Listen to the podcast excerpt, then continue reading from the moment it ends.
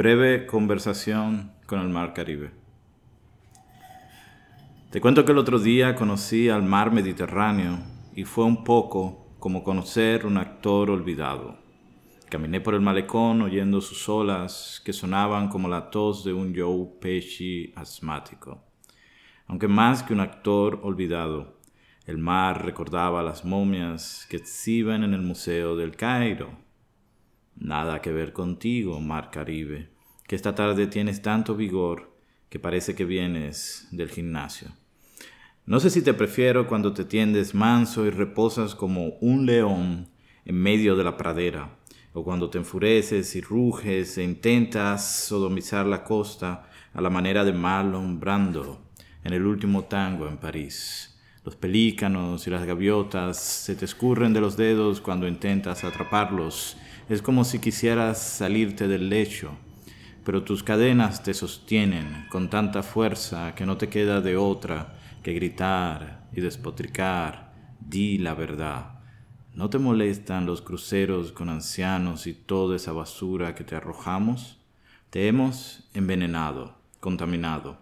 El año pasado tus costas tenían tantas algas que parecía que en nuestras playas un turista te contagió la sífilis yo me dije, esto se ve feo, y me pregunté si este no era el fin.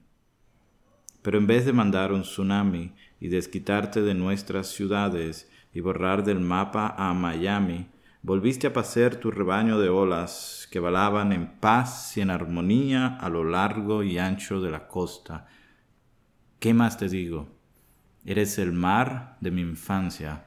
Me he pasado la vida descifrando tus palabras Ambos hemos envejecido, pero a pesar del paso del tiempo, sigo viniendo a este arrecife a conversar contigo con la misma inocencia de cuando era niño y paseando por tus playas recogí una caracola y me la llevé al oído y tú me hablaste por primera vez.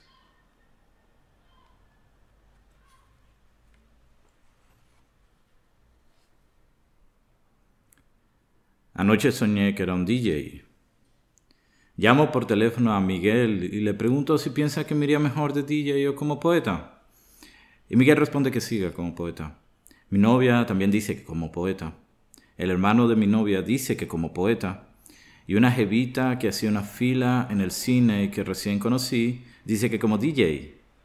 Las menores me ven más como DJ. Y las mujeres que compran en el supermercado dicen que persista con los poemas. Mi mamá dice que como poeta. El plomero dice que poeta. Los cinco poetas que conozco me dijeron que me iría mejor como DJ. Mi hermana se abstuvo de votar.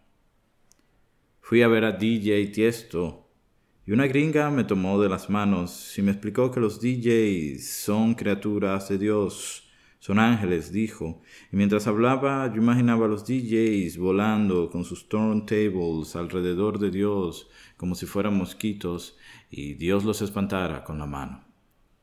Pero bueno, la cuestión es si los poetas y los DJs se pueden conciliar, si pueden ser uno, si es posible escribir con una mano poemas y con la otra pinchar discos, si se puede ser mitad poeta y mitad DJ, si del ombligo para arriba soy poeta y del ombligo para abajo soy DJ, o al revés, o quizás que un poeta se convierte en DJ las noches de luna llena, o quizás estoy exagerando y en el fondo todo DJ quiere ser poeta y todo poeta quiere ser DJ.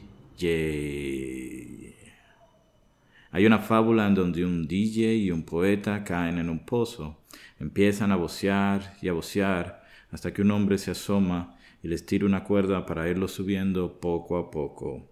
Sube al DJ primero y cuando se la arrojan al poeta, este grita que lo dejen abajo y el hombre y el DJ así lo hacen, aguardan en silencio y se marchan al rato.